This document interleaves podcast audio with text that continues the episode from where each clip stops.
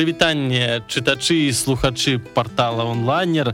З вами журналіст старашчыры і падказ пашпарт грамадзяніна сёння тэма для нашай гутаркі даволі я б так сказаў цікавая нават нетрывіяльная і для многіх напэўна нават такая таямнічая. Сёння будзем размаўляць пра юрку гаўрука тэатральнага рэжысёра драматурга літаратара і чалавека які падарыў беларусі самога ўлеме шекспіра а дапаможа нам у гэтым такім вандраванні па біяграфіі гаўрука перакладчыцца чалавек які закаханы ў тэатр Марыя Пушкіна. Вітаю Марыя. вітаю Тарас. Вы з тэатральным рэжысёрам юркам гаўруком конечно крыху загнулі але сёння мы акурат будзем высвятляць падрабязнасці так што можа быць вы і даведаецеся ці быў ён рэжысёрам ці не быў паглядзім будзе цікава.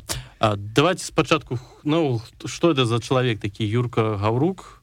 Ось бо імя у яго такое юрка не юры нават что можна падумаць што нейкі хлопец з района з якога района ты чалавек паходзіць? Зараз будем высвятляць зараз раскажу але я б хотела найперш падзякаваць маёй тэатральнай каляжанцы валерый михалевич бо юрка гаўрук пакінуў па сабе невымоўна цудоўную аўтабіяграфію. Ён я цытуе таксама у сваёй кніжцы якую вельмі раю прачытаць это яго нарысы па перакладазнаўстве па творчасці замежных пісьменнікаў. Але мне праз валерыю трапіла менавіта архіўны дакумент. Таму валера табе мой паклон да да самай зямліцы да восеньскай да сырой. Што расказаць пра юрку рука і мне вельмі хацелася пачаць з такой цытаты за этой аўтабіяграфіі на вельмі прыгожа напісана это 64 год напісання Юрка Гурук піша так, аглядаючыся на сваё жыццё праз 60 год, проста дзіву даешся, да чаго ўсё ж такі трывала істота чалавек. Жалеза сціраецца, кволы арганізм чалавечы, падняўшыся з небыцця развіваецца ў змаганні. Імкнецца да чагосьці лепшае ці горшае. І гэтым яго імкненнем няма ні канца ні краю. Мне думаеце, што галоўнае ў чалавеку праца і творчасць. І вартасць пражытая мераецца не багаццем асабістых уражанняў, а тым, што паспеў зрабіць чалавек. З гэтага пункту гледжання я не магу расцаніць сваё жыццё высока пражыта многа а зроблена вельмі мала. Дык вось з якога раёна чалавек які так ацэньвае сваё жыццё? А чаму юрка? Ён нарадзіўся 6 траўня 1905 года. Это акурат святы георгій таму і назвалі юркам. Бацькі казалі што гэтае імя ён выбраў сабе сам а нарадзіўся ў слуцку. Цікава што ягоны бацька павел семёнович быў сялянскага паходжання з вёскі шалавічы. Это за 20 кіметраў ад слуцка. Павел семёнович меў трайное прозвішча агарват гарбач гаўрук адкуль узялося такое дзіўнае спалучэнне ніхто не мог малому юрку патлумачыць. Меркавалася што павялося так яшчэ з прыгонных часоў але пазней прозвішча раскалолася старэйшы брат э, Паўла сцяпан пакінуў сабе прозвішча гарбач павела яго малодшыя браты засталіся гаўрукамі а гарват паступова адваліўся ёсць такі даследчык беларускай антрапанімікі тапанімікі Васіль шур. Ён акурат мяркуе што гаўрук свядома не хацеў гаварыць пра сваё шляхецкае паходжанне асабліва ўлічваючы ўсе тыя спазнаныя ему 30 гады рэпрэсія. Ён каля 20 гадоў правёў у высылцы. Вельмі цікава што можна зрабіць паралелі з сучаснай беларусю і з асобай літаратара горвата таксама такое адчуванне што гісторыі цыклічна і ў нашу літаратуру культуру вяртаюцца прозвішчы які калісьці ўжо аказваецца ў ёй былі хоць ускосна але ўсё роўно прысутнічалі. Ці ці можа быць сапраўды нейкая роднасная сувязь паміж гору там і яго руком мне было гэта цікава. Я крыху пашукала але гэта толькі былі такія ну як бы можа быть намеры на больш трапныя пошукі можа быть гісторыкі больш удала некалі этим зоймуцца. Невядома ці нараўлянскі это гарваты сам андрусь город як бы адмаўляю сваю сувязь на нараўлянскімі горватамі он так нават это так абыходзіць вельмі так бокам асцярожненька. Але мне здаецца что этом ёсць вельмі незвычайны сімвалізм бо адзін горват у гісторыі купалаўска тэатра даваў грошы яшчэ на гарадскі тэатр другі э, горват можна так сказаць. Ён жа гаўрук быў загадчыкам літаратурнай часткі а трэці горват быў самым знакамітым нашим дворнікам пасля паліны васілюны так. А потым ён стаў у аўтарам самага напэўна папулярнага спектакля ў 21 стагоддзе вось тых што былі такія пастаўлены на камернай сцэне. Тут, тут хоць прысвячае даследаванні дакументальныя стужкі што заўгодна. Але ж працягнем гутарку пра гаўрука. Чым чалавек займаўся ў дзяцінстве як вучыўся як хрысціўся да. э, так это вельмі цікава бы бацькі пазнаёміліся ў слуцку то бок ён такі як бы ўжо гарадскі хлопчык нарадзіўся ў горадзе. Але бацька напрыклад пасля службы ў войску пайшоў да маці э, у прымакі. Маці звалі ў такі Масімаўна маскаленко бацька быў рамеснікам добра майстраваў яго ахвоча запрашалі працаваць бо ён быў вельмі такім сумленным працаўніком. Маці займалася хатняй гаспадаркай вельмі любіла гасцей слуцку былі вялікія кірмашы калі да іх збіраліся госці сваякі усе спыняліся ў іх у хаце як бы на гэты час то хата ператваралася як ён сам гаворыць у клуб свежых навін.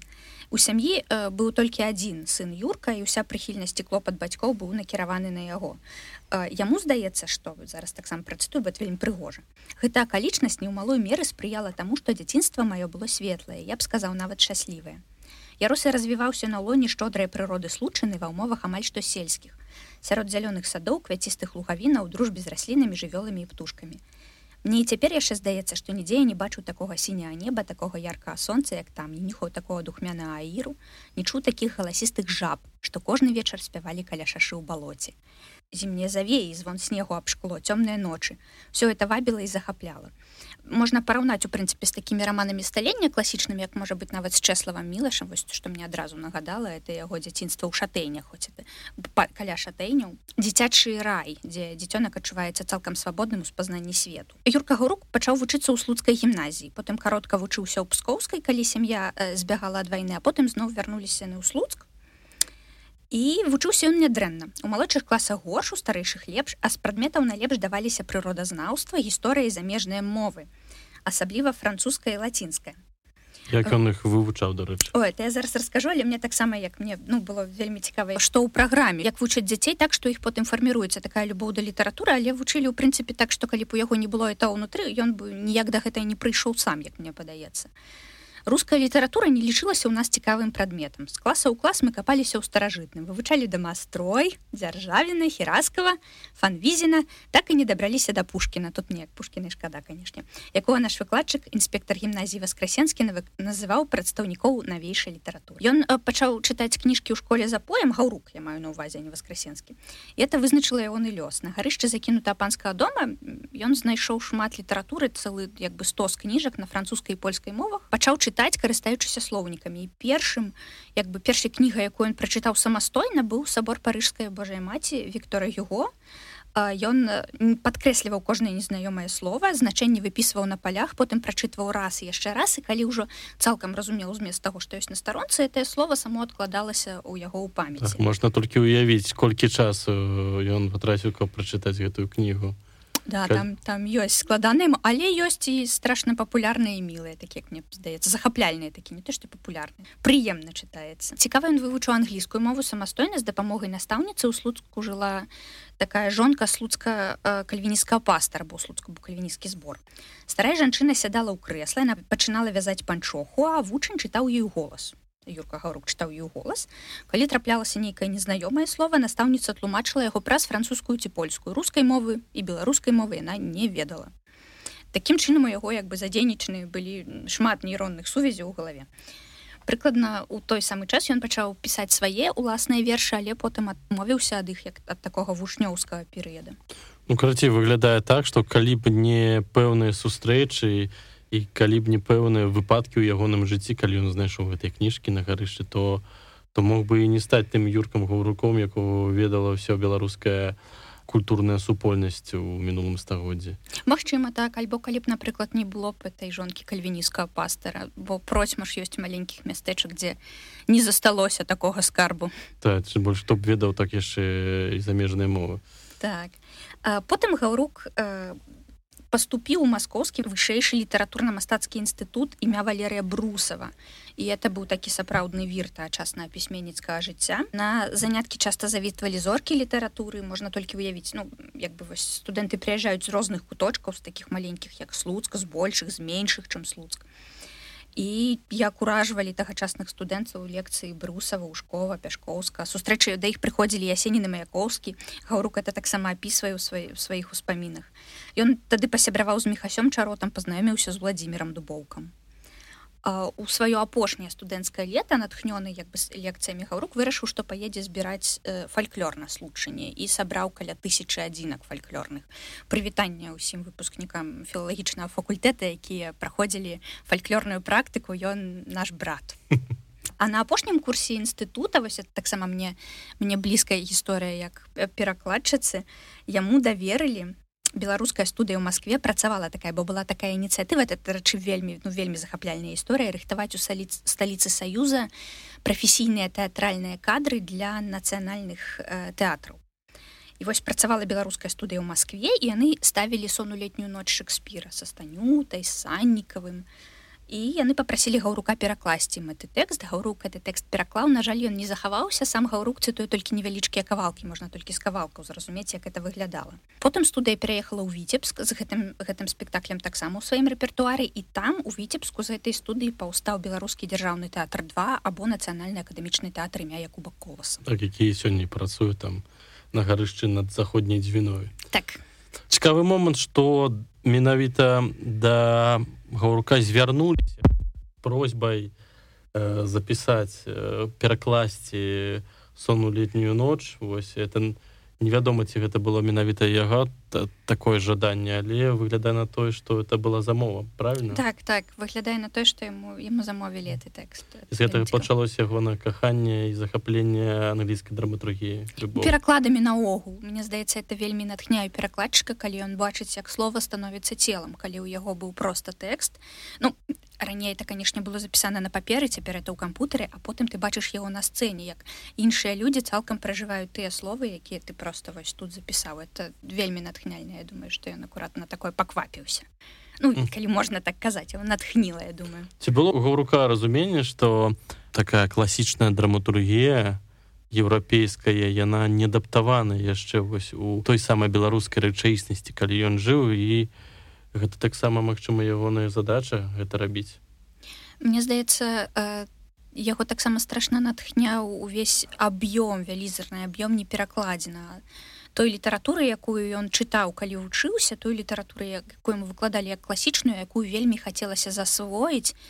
Не прысабечыць это такое вельмі ўласніцкае слово а перастварыць і у сваім гэтым натхненні ён напрыклад быў аўтарам першай анталогіі перакладу замежнай літаратуры это быў маленькая кніжачка яна з'явілася ў 28 годзе она называлася кветкі з чужых палёў ён просто сабраў вельмі прадстаўнічы спіс імёнаў это былі пераклады з англійскай байран шэлі тэнісон лангфела уитман з нямецкай шылер гейны альбо гайна як больш хто любіць.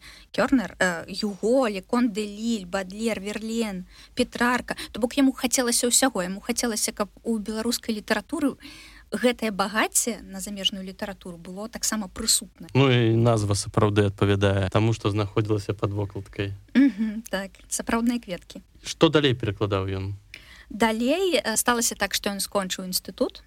То есть кніжачка акурат уже выйшла ён пераехаў у Беларусь вярнуўся ў Беларусь і стаў выкладаць у горы горадскай сельска-гаспадарчай акадэміі гэта таксама вельмі цікавае месца і у прынцыпе можна сказаць што літаратурнае жыццё ў горках таксама верыла яго калегам па працы некаторы час быў Масім гарэцкі разам з гаўруком у горкі прыехаў дубоўка але кажуць пахадзіў пахадзіў з'ехаў. Сябрам у той час стаў кузьма чорны. Кузьма чорнай таксама прыязджаў у горкі. Ў горках у літаратурным гуртку удзельнічала таксама паўліна мядзёлка карацей было вельмі цікава. Карацей дзень беларускай пісьменнасці ў горку быў бы даволі дарэчным. Да да такі фестываль но нон-стоп. У 29 годзе юрка гаўрука жаніўся са студэнткай сельскагаспадарчай акадэміі тацяны мытніку іх нарадзілася дачка.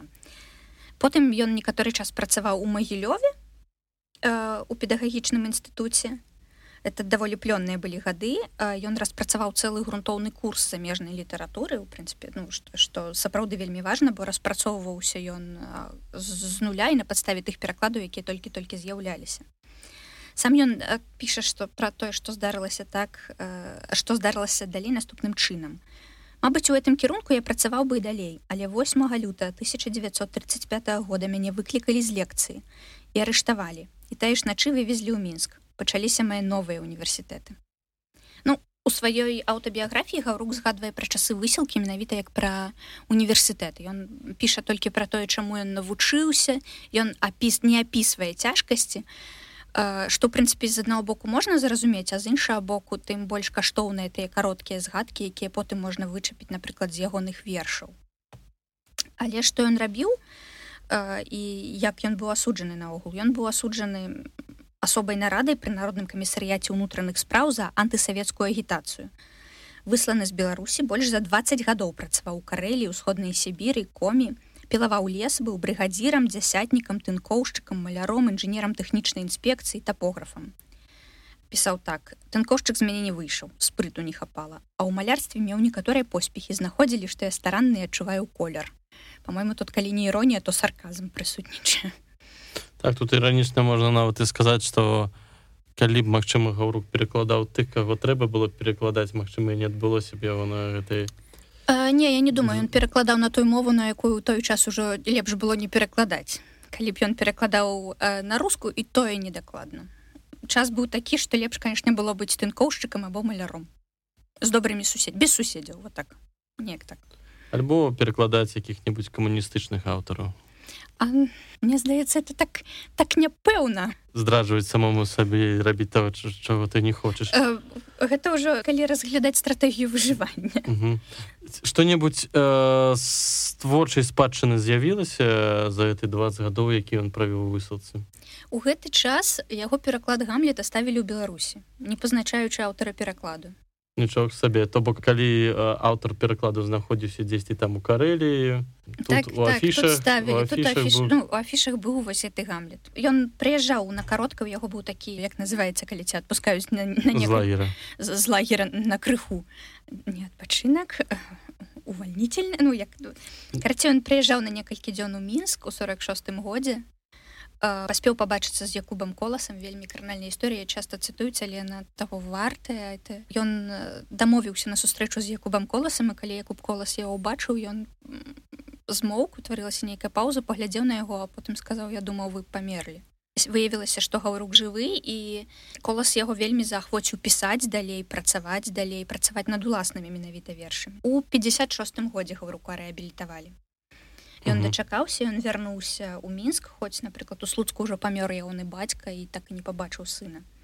Ён пасяліўся ў мінску а ў 57 годзе пачаў працаваць загадчыкам літаратурнай часткі ў беларускім дзяржаўным акадэмічным тэатры мянкі купалы то бок праблем з працуладкадаваннем ніякіх не было. Ну, менавіта тут... простое то что ты быў у асуджаны лічыўся амаль ворагам народа. Па-перша ён быў афіцыйна рэабілітаваны па-другое я думаю что ну это яшчэ адліга ну і канешне пэўная доля шчасця таксама ёсць можа быть хтосьці калі капнуць глыбей можа быть можна знайсці нейкія сляды заступніцтва ці чагосьці такого. Але ён пачаў працаваць загадчыкам літаратурнай часткі. Чым ён конкретно займаўся?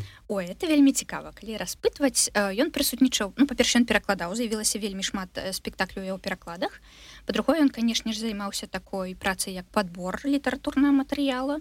Ён прысутнічаў на ўсіх рэп... ну, не на ўсіх на пачатковых рэпетыцыях чытках і правіў вымаўленне. Плюс таксама натуральна сядзеў калі быў фінальны прагон таксама глядзеў што што як хто вымаўляе. Потым напрыклад калі спектакль ужо выходзіў ён часто прыходзіў на прэм'еру слухаў глядзеў як артысты вымаўляюць.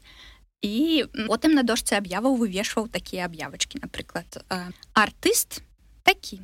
Вымавіў на спіне.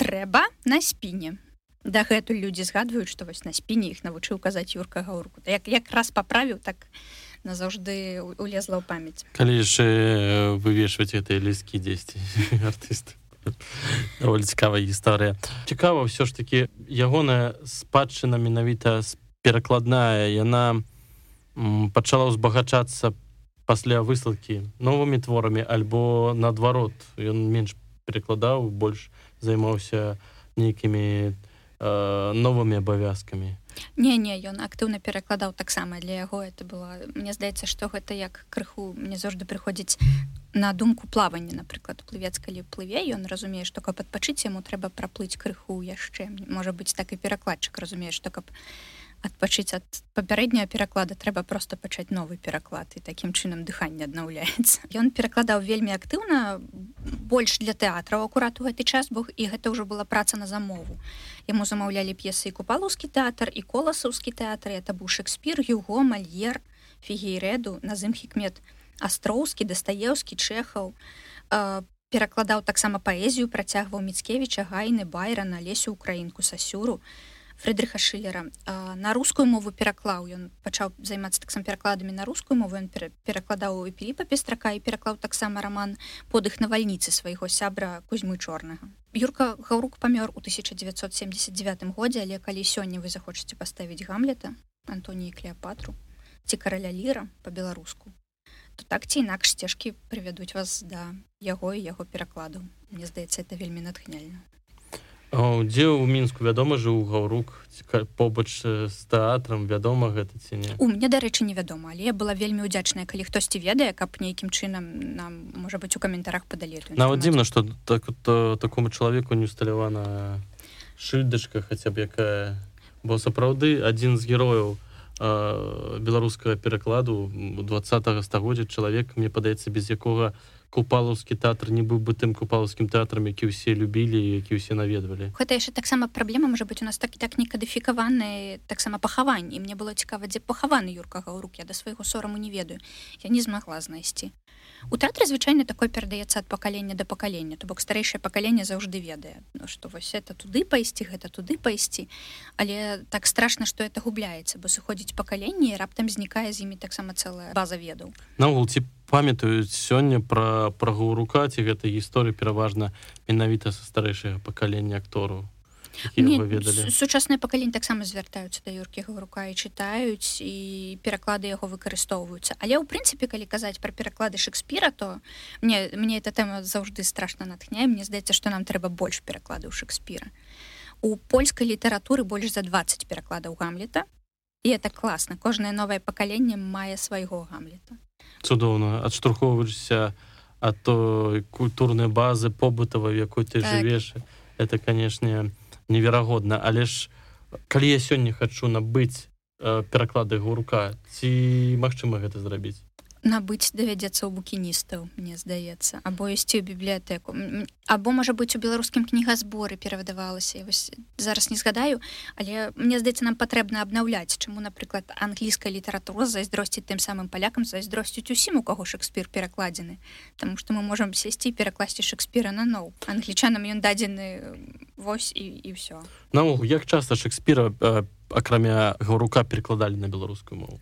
Ну натуральна трэба згадаць дубоўку фантастычныя пераклады санетаў і натуральна трэба згадаць кандрата крапіву ну можна по-рознаму ставіцца ну але этой пераклады ёсць этой пераклады выкарыстоўваюцца з таго што хацелася дадаць ивана красоўская ёсць пераклад гамлета ён як бы не такі вядомы ён напэўна такі як бы аматарскі але зроблены цалкам з вялікай любоўю да шекспіра. Яго можна і наколькі разумею пачытаць у архіве з таго чтоб вельмі хацелася развіць і чтоб ну мне вельмі падабаліся кавалкі гамлета якія друкаваў антон францішак брыль. Там былі по-мойму маналогія фелі ці штосьці. Ну это прям вельмі супер это вельмі пасавала і таким ну мне б вельмі хацелася каб з'явіўся гамлету яго перакладзе. Это ну, было б вельмі сцэнічна. Ну наогул ва варта заўважыць что шекспир э, э, не самы такі лёгкі аўтар для пастановы. Калі мы нават возьмем частку ягоных твораў ты ж хронікі то іх вельмі складана уявіць каб іх взяли і поставілі дзесьці ў адным з, з тэатру. А менавіта з таго что я так сказал тэатрабельна да что что можна ставіць что мы маем беларускай спадчыны. Вось мы маем атэла маем гамлета что яшчэ караля ліра маем маем буру перакладзе владимира прокопвича некляева маем таксама пераклады цудоўныя алеся сцяпановича разанова першую чаргу сону иванову ночу его называется пераклад сна ў летнюю ноч что у нас яшчэ ёсць таксама э, кандрета крапівы некалькі перакладаў канец справе вянец у перакладзе юркі гаўрука ёсць пераклады алексея нуфревича дударева акурат рышард третьим пераклад рычард перакладзены владимира шахаўца ёсць пераклад махбіта не так давно у дзесьці я за ім сутыкалася але не згадаю на жаль абставінаў. Все гэта ставілася? Вельмі шмат чаго ставілася так. Бо тэатральныя пераклады вельмі часта канешне у это ў меншай ступені тычыцца шекспіра але тэатральныя пераклады цалкам вельмі часта ўзнікаюць на замову. Бура ставілася так. У сону купальскую ноч канешне ставіўся. Не некалькі вельмі класных пастановак у беларусі было. Угу. а сёння вось на 2021 год? На 2021 год я раю чытаць Окей цудоўна А што шекспіра мы можемм пачытаць па-беларуску сёння калі мы зразумелі што гаўрука можна толькі знайсці ў букінісці калі пастарацца А вось шекспіра з перакладзе на беларускую мову цалкам шекспіра па-беларуску гэта наша акадэмічнае выданне шекспіра па-беларуску хай стане нашай марай паколькі зараз сапраўды даводзіцца шукаць асобныя п'есы асобныя творы ў рамках нейкіх большых выданняў. Э, мне здаецца што шекспір так актыўна не абнаўляецца як бы мог і вось тыя як бы выданні якія ў мяне ёсць я ведаю тыя вокладкі ўжо даўно. Яны са мной уже 15 гадоў мы з імі даволі даўно знаёмыя. Я думаю што варта ўмацоўваць нашыя гарызантальныя сувязі шукаць пазнаёмых на беларускай палічцы дарэчы вельмі вельмі цікава прадстаўленыя тыя ж самыя санеты шекспіра можна можна паглыбіцца ў гэты свет лёгкай з вялікай асалодай. Ці зараз перакладчыкі якія вось прагна жадаюць перакладаць шекспіра на беларускую мову? Па-першае мне здаецца што прагнае жаданне перакладаць оно канешне оно канешне ёсць у наших перакладчыкаў это безумоўна але это ўсё адцягваецца на тое што жыць з літаратуры пакуль што немагчыма. Таму перакладчыкі яшчэ прагнуць э, крыху зарабіць капейчыну а потым прагнуць заспакоіць альбо не потым альбо ў нейкім іншым парадку дарагі перакладчыкі. Як там у вас? Я я угубляю імкліва сувязь з рэальнасцю. Што спачатку? Ці спачатку прага душыць і спачатку штосьці іншае. Мне здаецца што вельмі вельмі шмат людзей адгукнулася напрыклад на прапанову анталогіі перакласці перакладаліся санеты шекспіры вялікая тоўстая анталогія акурат у якой розныя розныя перакладчыкі выступілі таксама як перакладчыкі санетаў шекспіра асобных таму ёсць ёсць запал. Ёсць напрыклад у тэатры юного гледача ідзе рамао і Джульета рамао і Джульету яны ставілі не ў перакладзе кандрата карпіва яны звярнуліся да кацярыны маціеўскай якая ім адмыслова зрабіла пераклад рамао і Джульеты прычым там была ну вельмі складаная праца бо цяпер ніхто ж не паставіць п'есу цалкам ну мы таксама ўсе не вар'яты мы наврад ці ну як бы это ж вельмі доўга мы, мы жыць хочам а не столькі ў тэатр хадзіць і там былі была праца са скарачэннямі але пераклад каці каця мне дала пачытаць вельмі класна выдатна. Дзякуй вялікі Марыя за за гутарку пра шекспіра і пра чалавек які стаў піянерам у перакладчыцкай дзейнасці выдатнага англійскага драматруга у беларусі пра юрку гаўрука пагаварылі. Все ж таки здаецца што калі б не ён то магчыма перакладчыцкая дзейнасць шекспіра на беларускую мову могла быць крышачку іншай але ты чалавек які даў пэўны штуршок наогул у вось у з'яўленні на наших палічках твораў сусветных класікаў чаго на той момант нам не хапала ўсё беларусі. Таму дзякуй і юрку руку таксама. Да пабачэння паважаныя слухачы. Наступным разам зноўку сустраімся з вами пагаворам пра цікавосткі з беларускай гісторыі. Да новых эфіраў. Да пабачэння дзякуй за увагу